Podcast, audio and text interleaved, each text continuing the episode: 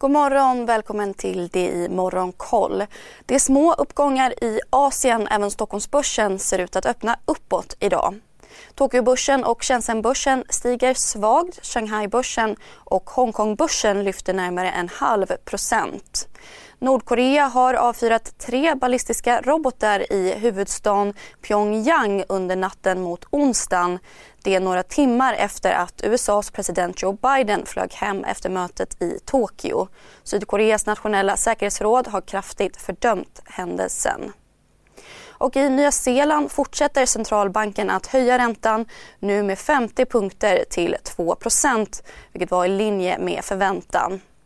Så till USA. Börserna på Wall Street stängde blandat igår. S&P 500 var ner närmare 1% och Nasdaq föll runt 2% Flera flyg och kryssningsbolag tappade. Det gjorde även flera teknikjättar som är beroende av digital marknadsföring efter att sociala medier-jätten Snap rasat drygt 40% efter en vinstvarning på tisdagskvällen. Videokonferensbolaget Zoom däremot gick mot strömmen och lyfte 5,5% efter att ha redovisat bättre vinst och prognoser än väntat. Klädkedjan Abercrombie Fitch rasade 28% efter att ha rapporterat en förlust i kvartalet och meddelat att bolaget utmanas av kostnadsökningar. Och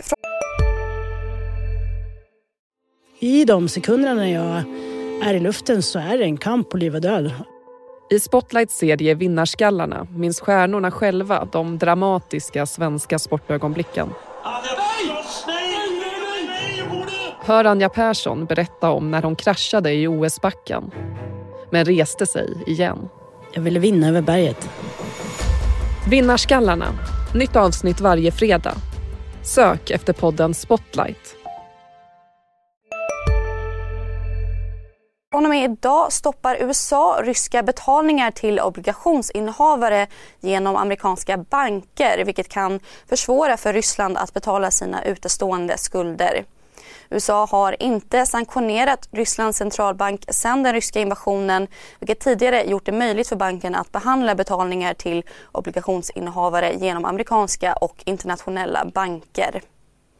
Så Sverige där gamingbolaget Enad Global 7 redovisat ett ökat resultat både för försäljningen och justerat ebitda upp 50 respektive 40 procent jämfört med samma kvartal i fjol. Rörelseresultatet däremot minskade rejält till närmare 28 miljoner kronor jämfört med drygt 48 miljoner kronor i jämförelsekvartalet. Bolaget meddelar samtidigt att de avbryter utvecklingen av Marvel-projektet hos det amerikanska Daybreak Games vilket väntas leda till en nedskrivning om runt 230 miljoner kronor i det andra kvartalet. Bolagets helårsprognos minskar också jämfört med vad man sa efter förra rapporten i februari. Vidare ska diagnostikbolaget Äger Bio göra en nyemission till befintliga aktieägare om 50,5 miljoner kronor. Emissionen innebär en utspädning om cirka 22 procent och under morgonen väntas Äger Bio komma med rapport. Det gör även strålterapibolaget Elekta. Och så ser vi fram emot svenska producentpriser samt arbetslöshetsstatistik under morgonen. Ha en trevlig dag.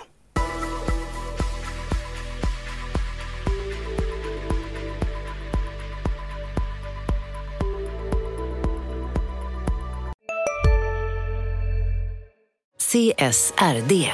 Ännu en förkortning som väcker känslor hos företagare. Men lugn, våra rådgivare här på PWC har koll på det som din verksamhet berörs av. Från hållbarhetslösningar och nya regelverk till affärsutveckling och ansvarsfulla AI-strategier. Välkommen till PWC. Hej, Synoptik här. Så här års är det extra viktigt att du skyddar dina ögon mot solens skadliga strålar.